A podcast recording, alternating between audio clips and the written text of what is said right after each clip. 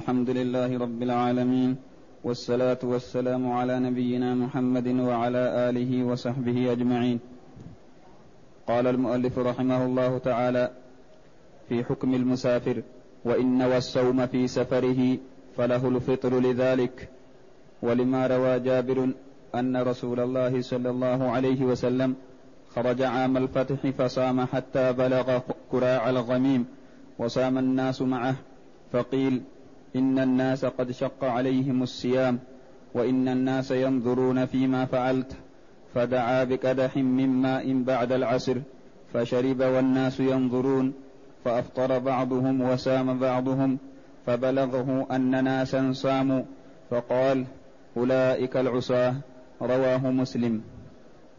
قول المؤلف رحمه الله تعالى وإن والصوم في سفره فله الفطر لذلك شخص خرج مسافرا وهو صائم. له أن يتم صومه وله أن يفطر ولو أنه نوى الصيام. يقول لذلك يعني لما تقدم من أن المسافر له أن يفطر لأن السفر مبيح للفطر. ولما دليل آخر ولما روى جابر أن رسول الله صلى الله عليه وسلم خرج عام الفتح. يعني خرج من المدينة عليه الصلاة والسلام في رمضان لفتح مكة. فصام حتى بلغ كراع الغميم. آه، موطن بين مكة والمدينة قريب من مكة. وهو صائم عليه الصلاة والسلام.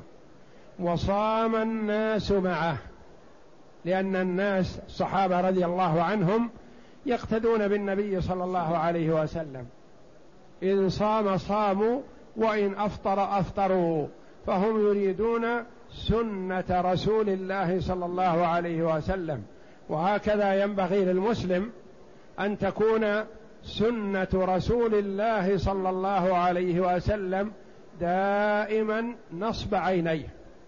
وهي هدفه وهي قصده وهي أمنيته أن يأخذ بها. ولا يقول كان آبائي مثلا يفعلون كذا. أو كان أهل بلدنا يفعلون كذا أو كان مشايخي يفعلون كذا أو كان الشيخ الفلاني يفعل كذا لا. القدوة في هذا هو المصطفى صلى الله عليه وسلم. فالمسلم يحرص على السنة وعلى التمسك بها صوما وافطارا وسفرا وإقامة وترخصا وإتماما وغير ذلك من الأفعال. يسأل عن فعل الرسول صلى الله عليه وسلم لأنه هو القدوة.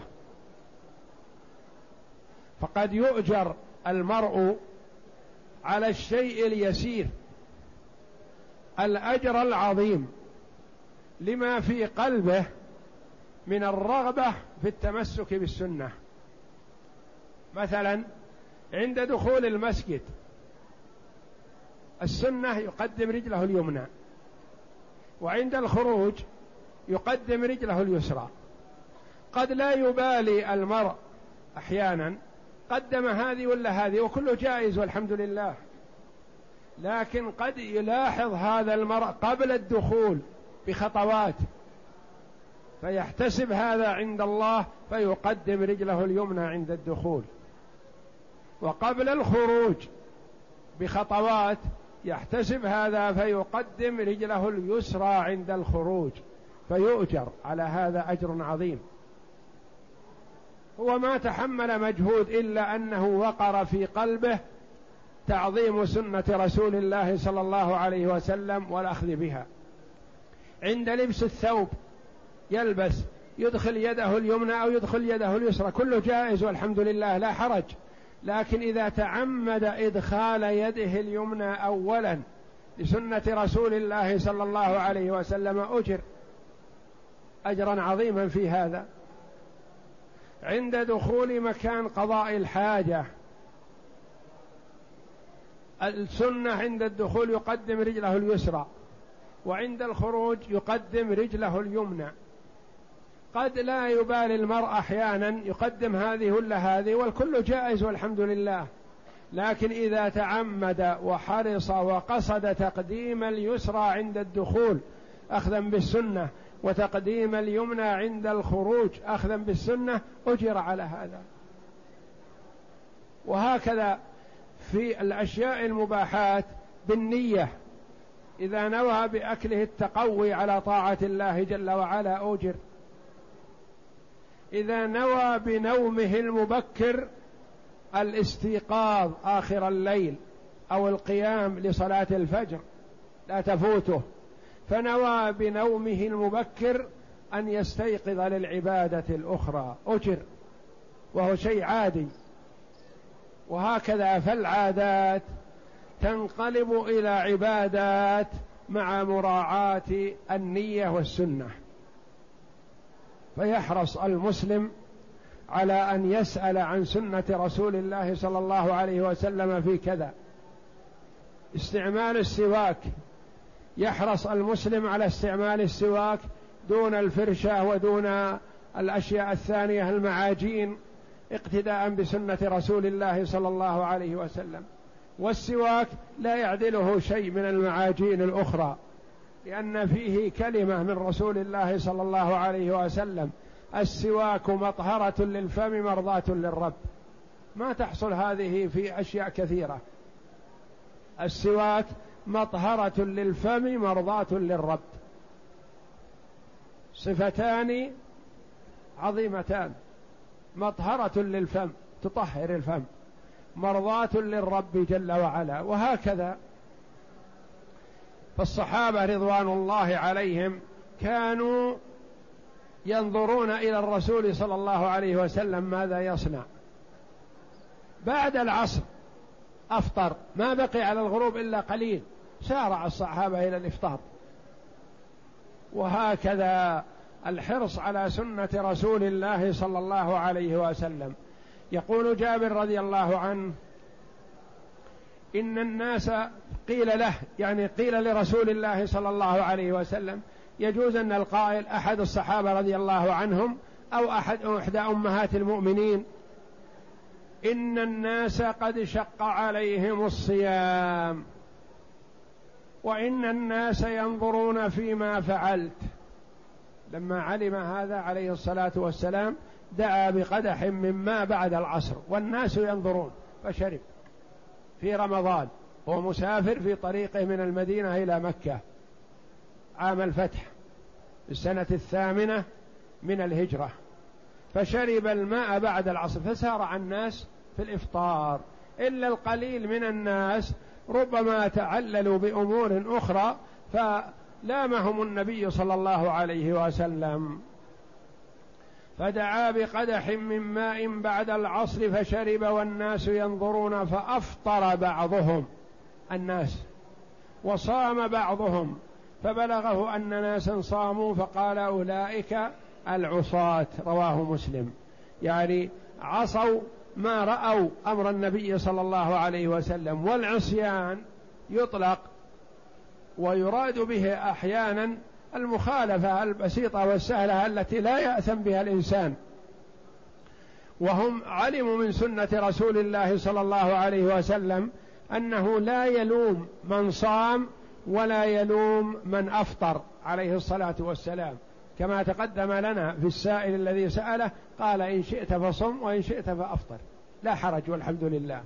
فاتموا الصيام فمقتهم ولامهم النبي صلى الله عليه وسلم حيث أنهم استمروا على صيامهم ولم يأخذوا ولعل لهم عذر بمواصلة الصيام.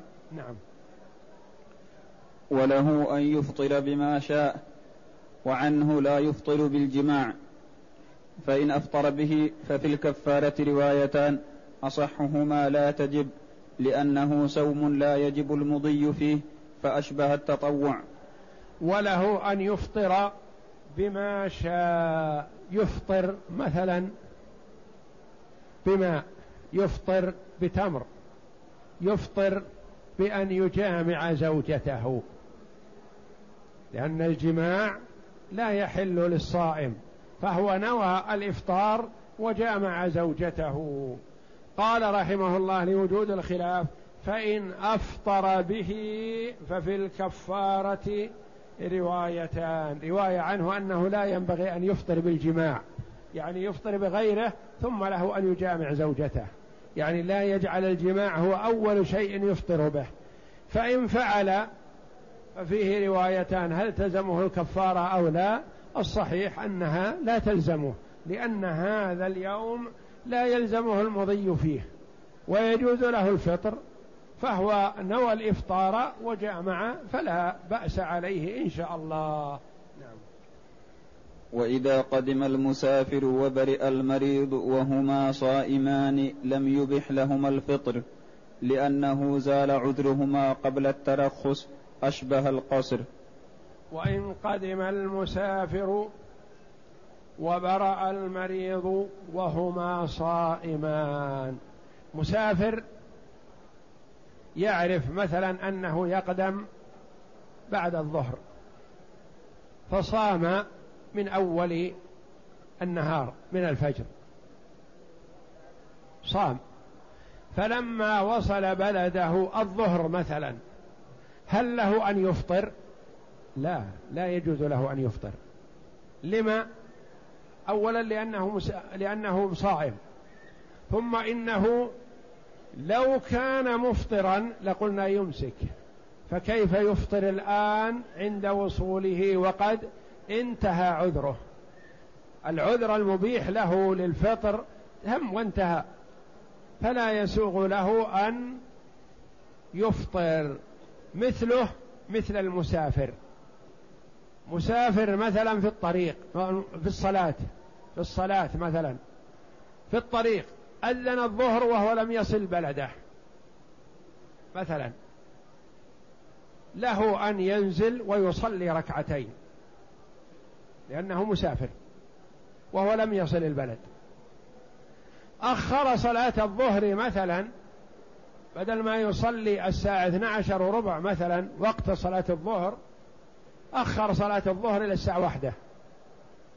فوصل البلد. ثم أراد أن يصلي. كم يصلي الآن؟ يصلي أربع لأنه وصل. يقول لو صليت خارج صليت ركعتين. نقول نعم لو صليت خارج البلد صليت ركعتين لأنك مسافر لا تزال. لكن الآن أنت مسافر انتهى سفرك. ولم تصلي الظهر فعليك أن تصليها تماما لا قصرا كذلك المسافر قدم صائما. وجب عليه أن يتم صومه. ولا يفطر فلا يجوز له ذلك. وإنما عليه أن يتم صومه لأنه قدم صائما وقد انتهى عذره. الخلاف فيما إذا قدم مفطرا هل يلزمه الإمساك أو يباح له الاستمرار على فطره؟ نعم. وإن زال عذرهما أو عذر الحائض والنفساء وهم مفطرون ففي الإمساك روايتان على ما ذكرنا في الصبي ونحوه. وإن زال عذرهما أو عذر الحائض والنفساء وهم مفطرون. مسافر يعرف مثلا أنه يقدم بعد الظهر أو بعد العصر إذا يسر الله له ذلك. وكان مفطرا في سفره. فلما وصل البلد هل يلزمه الإمساك أو لا؟ حائض طهرت من حيضها انقطع دمها بعد الظهر. نفساء انقطع دمها بعد الظهر. هل يلزمهما الإمساك؟ روايتان. قيل يلزمهما الإمساك لماذا؟ هل يعتد بهذا اليوم؟ لا لا يعتد به. لماذا نلزمهما نلزمهم الإمساك؟ المسافر والحائض والنفساء إذا طهرتا وقدم المسافر قالوا لحرمة الشهر وزوال العذر العذر المبيح للفطر انتهى فعليهما الإمساك لحرمة شهر رمضان هل يعتد بهذا اليوم؟ لا لأنه ما صام إلا من بعد الظهر الرواية الأخرى تقول لا ليس عليهم الإمساك لما؟ قالوا لأنه لا يعتد بهذا اليوم بالنسبة لهما وكان مفطرون وكانوا مفطرون في أوله. فلا يلزمهما الإمساك روايتان. ومثله الصبي إذا بلغ في الأثناء وهو لم يصم. وأمثاله كثير. نعم. ومن أبيح له الفطر لم يكن له أن يصوم غير رمضان فإن نوى ذلك لم يصح لأنه لم, لم ينو رمضان ولا يصلح الزمان لسواه.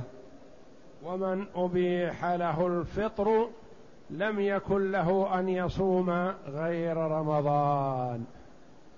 شخص أبيح له الفطر لمرض أبيح له الفطر لسفر.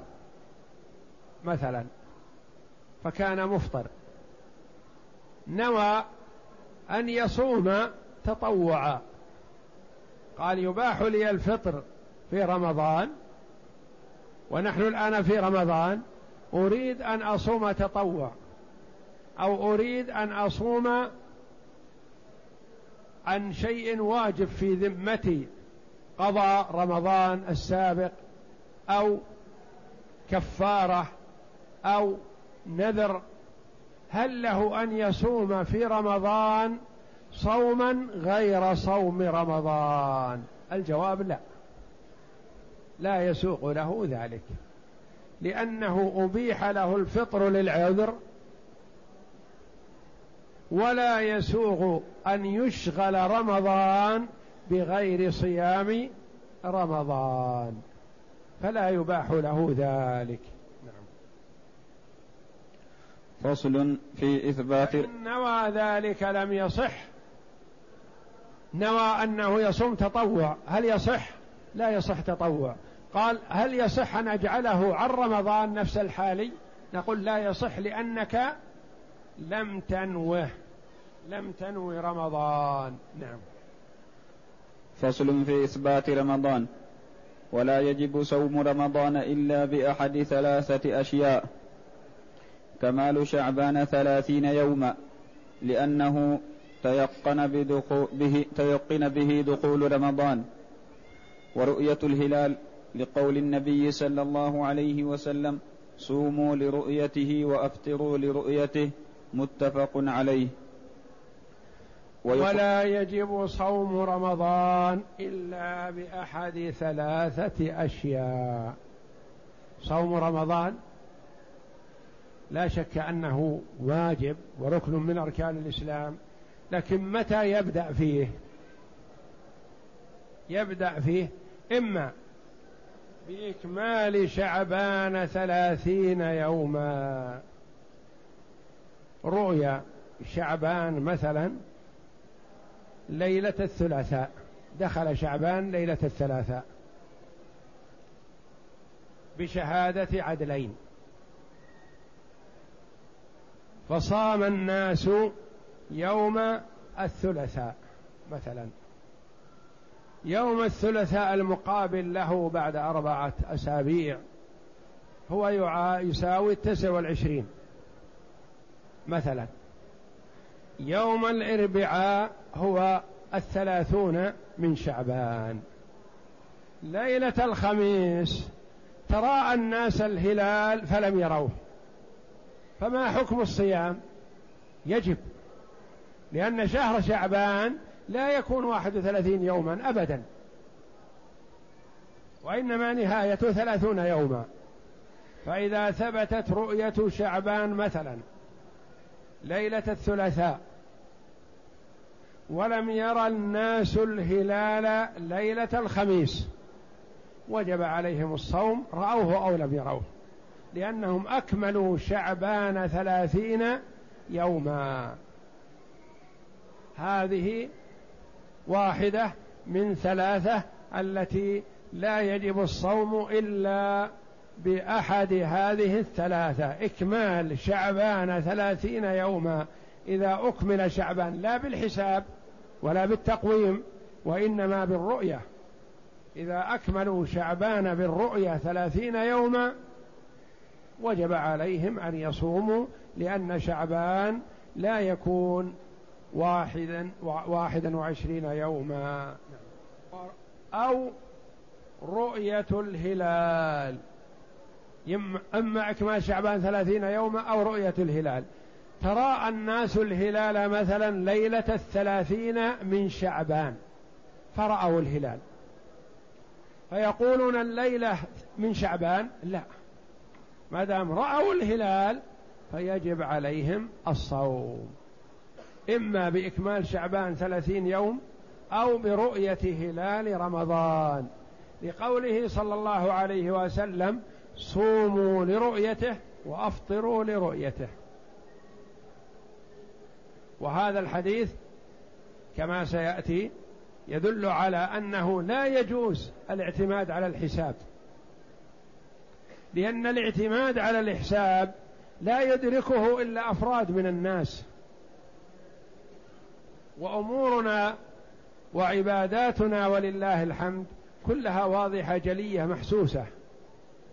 يدركها كل أحد كل مسلم. مثلا الفجر منوط به صلاة الفجر يرى. منوط به الإمساك عن الصيام الإمساك عن الطعام والشراب يرى الفجر. الزوال صلاة الظهر كذلك. ظل كل شيء مثليه صلاة العصر. وهكذا المغرب بغروب الشمس رمضان برؤية الهلال الحج برؤية الهلال. وهكذا فالأمور مبنية على أشياء ظاهرة يدركها المسلم.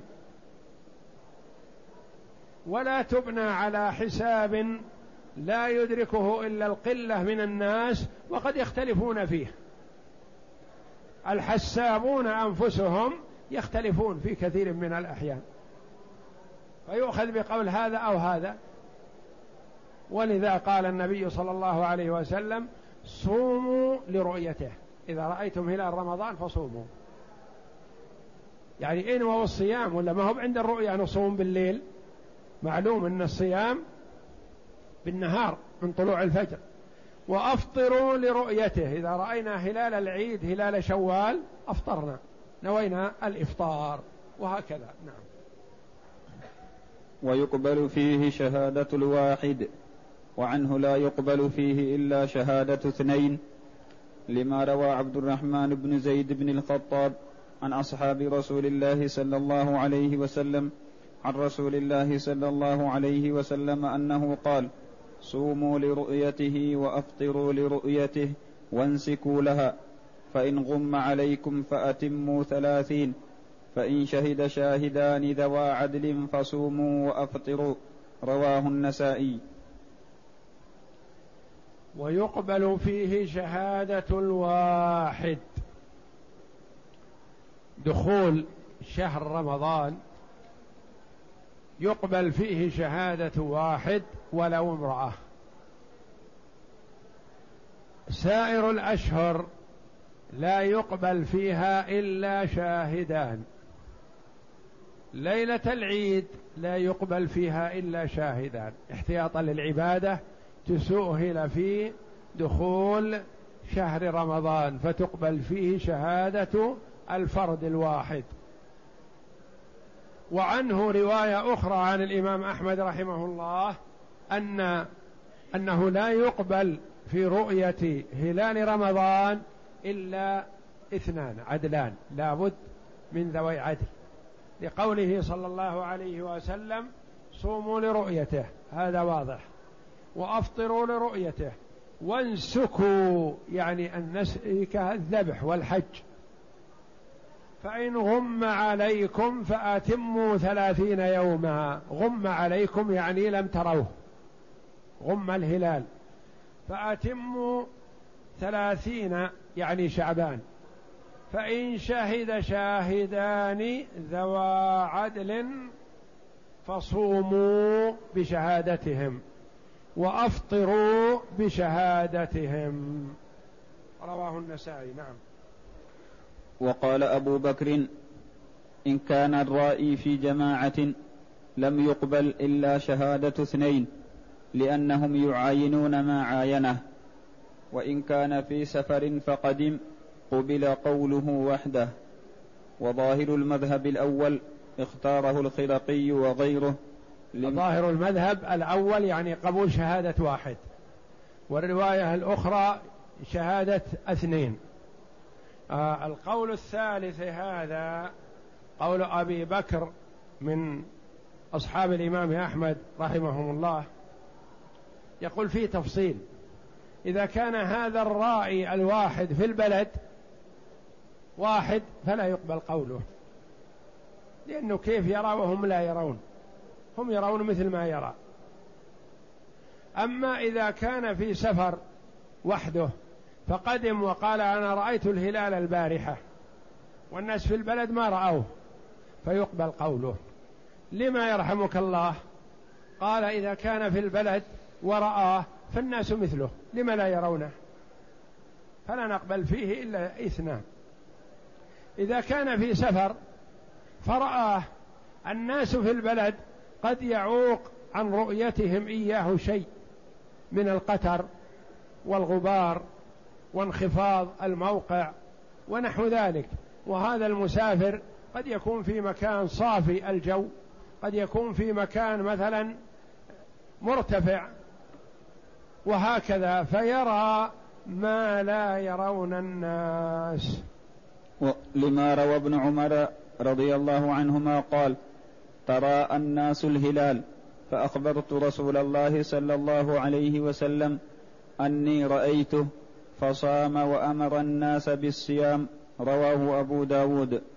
يقول ابن عمر رضي الله عنه وهو شاب في حياة النبي صلى الله عليه وسلم ترى الناس الهلال فرأيته. فأخبرت النبي قلت أنا رأيت الهلال. ما قال نريد معك آخر؟ قبل النبي صلى الله عليه وسلم قول ابن عمر برؤيته وصام وأمر الناس بالصيام عليه الصلاة والسلام. نعم. ولأنه خبر فيما طريقه المشاهدة يدخل به يدخل به في الفريضة فقبل من واحد كوقت الصلاة. يقول رؤية الهلال هلال رمضان مثلا مثل دخول وقت الصلاة. ألسنا نقبل قول المؤذن وهو واحد مثلا؟ يقول دخل الوقت تعالوا صلوا فنقبل قوله. كذلك الذي يقول دخل رمضان نقبل قوله لأنه يعتمد على المشاهدة والرؤية في البصر فنقبل قوله. وللدليل الواضح حديث ابن عمر رضي الله عنهما. نعم. والعبد كالحر لأنه ذكر من أهل الرواية والفتيا فأشبه الحر. العبد الذي هو الرقيق مثل الحر في هذا لأنه مسلم ومن أهل العبادة ومن أهل التكليف مكلف بالعبادة يصوم مثل ما نصوم ويفطر كما نفطر وهكذا فيقبل قوله. نعم. وفي المرأة وجهان أحدهما يقبل قولها لأنه خبر ديني فقبل خبرها به كالرواية. والثاني لا يقبل لأن طريقه الشهادة ولهذا لا يقبل فيه شاهد الفرع مع إمكان شاهد الأصل. ويطلع عليه الرجال فلم يقبل من المرأة المنفردة كالشهادة بهلال شوال. وفي المرأة وجهان يعني لو شهدت المرأة بهلال رمضان. هل يقبل قولها أو لا؟ وجهان في المذهب. قائل يقول يقبل قولها. نعم لأنها تحدثنا عن الرسول صلى الله عليه وسلم فنقبل قولها. تخبرنا بأمور تطلع عليها هي وحدها فنقبل قولها. لما لا نقبل قولها في عبادتنا؟ الوجه الثاني قالوا لا لا نقبل قولها. نقول لما يقال كيف تراه المرأة ولا يراه الرجال؟ هذه أمور ليست خاصة بالنساء كعيوب النساء والاستهلال مثلا استهلال المولود عند نزوله من بطن أمه وهكذا وأمور تختص بالنساء فنقبل. لكن هذا هلال في السماء. يراه الرجال كما يراه النساء والنساء ناقصات عقل ودين فلذا لا نقبل قولها في رؤية هلال رمضان. والمذهب والصحيح الأول والله أعلم لأنه كما يقبل قولها في الرواية كذلك يقبل قولها في الهلال. أما هلال شوال فمن المعلوم أنه لا يقبل فيه إلا شاهدين اثنين عدلين. نعم. الثالث قتر وفيه ثلاث روايات. إحداهن يجب الصيام لما روى ابن عمر رضي الله عنهما أن النبي صلى الله عليه وسلم قال صوموا لرؤيته وأفطروا لرؤيته فإن غم عليكم فاقدروا له. متفق عليه. يعني ضيقوا له العدة من قوله تعالى ومن قدر عليه رزقه أي ضيق عليه. وتضييق العدة له أن يحسب شعبان تسعة وعشرين يوما. وكان ابن عمر رضي الله عنهما إذا حال دون مطلعه غيم أو قتر أصبح صائما وهو راوي الحديث وعمله به تفسير له. الثالث مما يسوغ الصيام أن يحول دون مطلع الهلال ليلة الثلاثين من شعبان قتر. أو غيم يحجب الرؤية قالوا يصام. ما دام أنه مضى تسعة وعشرون يوما من شعبان وهذا اليوم يحتمل أن يكون الثلاثين ويحتمل أن يكون من رمضان. ورؤية الهلال متعذرة نظرا للغيم أو القتر ونحو ذلك. قالوا يصام. قالوا في هذا ثلاث روايات عن الإمام أحمد. الرواية الأولى يقول صوموا ليلة الثلاثين من شعبان. لما؟ قال لأن النبي صلى الله عليه وسلم قال صوموا لرؤيته ما رأيناه. وأفطروا لرؤيته ما رأيناه. فإن غم عليكم فاقدروا له. إن غم عليكم الهلال فاقدروا له إيش معنى فاقدروا له للعلماء رحمهم الله في تفسيرها قولان. فاقدروا له أي ضيقوا عليه. ضيقوا على ماذا؟ ضيقوا على شعبان. اجعلوه الحد الأدنى تسعة وعشرين يوما. وصوموا اليوم الثلاثين من شعبان ما دام أن فيه قتر يمنع الرؤية لأنه محتمل أن الهلال هل لكن ما رأيتموه للقتر. فاقدروا له ضيقوا عليه. وما دليلكم على كلمة فاقدروا له؟ قال الله جل وعلا يقول فمن قدر عليه رزقه فلينفق مما آتاه الله. قدر بمعنى ضيق عليه رزقه ينفق مما أعطاه الله. الرجل ينفق مثلا على زوجته وعلى أولاده هذا ينفق عليهم في الشهر ألف ريال مثلا وهذا ينفق عليهم في الشهر خمسين ريال مئة ريال أقل أو أكثر. هذا كغني وهذا فقير. ومن كان فقير ينفق مما آتاه الله لا يكلف الله نفسا إلا ما آتاها. فاقدروا له بمعنى ضيقوا عليه يعني حدوا شعبان إلى أضيق شيء الذي هو أقل شيء تسعة وعشرون يوما. لا توسعوا عليه تجعلوا ثلاثين يوما اجعلوه تسعة وعشرين يوما. هذا تفسير لهذه الرواية. ولأن ابن عمر رضي الله عنهما وكان من من المتشددين في الأخذ بالسنة والحرص والاحتياط كان رضي الله عنه إذا حال دون رؤية هلال رمضان ليلة الثلاثين من شعبان غيم أو قتر أصبح صائما. ولا يرى أن هذا واجب وإنما يستحب هذا. هذه الرواية الأولى الصيام لهذه الأدلة. نعم. الرواية الثانية والثانية لا يصوم لقوله في الحديث الآخر فإن غم عليكم فأكملوا ثلاثين يوما. حديث صحيح. وقال عمار من صام اليوم الذي يشك فيه الناس فقد عصى أبا القاسم صلى الله عليه وسلم حديث صحيح ولأنه شك في أول الشهر فأشبه حال الصهو الرواية الثانية تقول لا يصام ليلة الثلاثين من شعبان. لما؟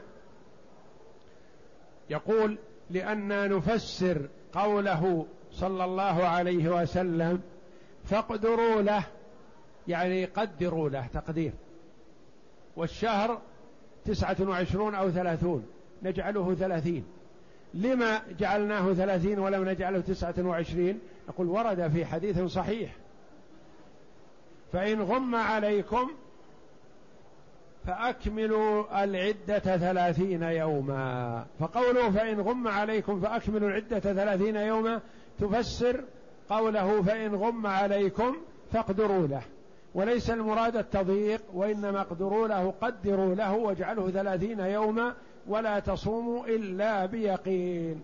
هذه الرواية الثانية ولما روى عمار بن ياسر رضي الله عنه أن النبي صلى الله عليه وسلم آه، وأنه قال رضي الله عنه من صام اليوم الذي يشك فيه فقد عصى أبا القاسم صلى الله عليه وسلم. يقول الرواية الثانية لا يصام الرواية الأولى يصام الرواية الثانية لا يصام. نعم. الثالثة الناس تبع للإمام إن صام صاموا وإن أفطر أفطروا. ولقوله صلى الله عليه وسلم صومكم يوم تصومون وفطركم يوم تفطرون وأضحاكم يوم تضحون. رواه أبو داود. الرواية الثالثة أنه ما يصلح فيه الاختلاف. هذا صائم وهذا مفطر.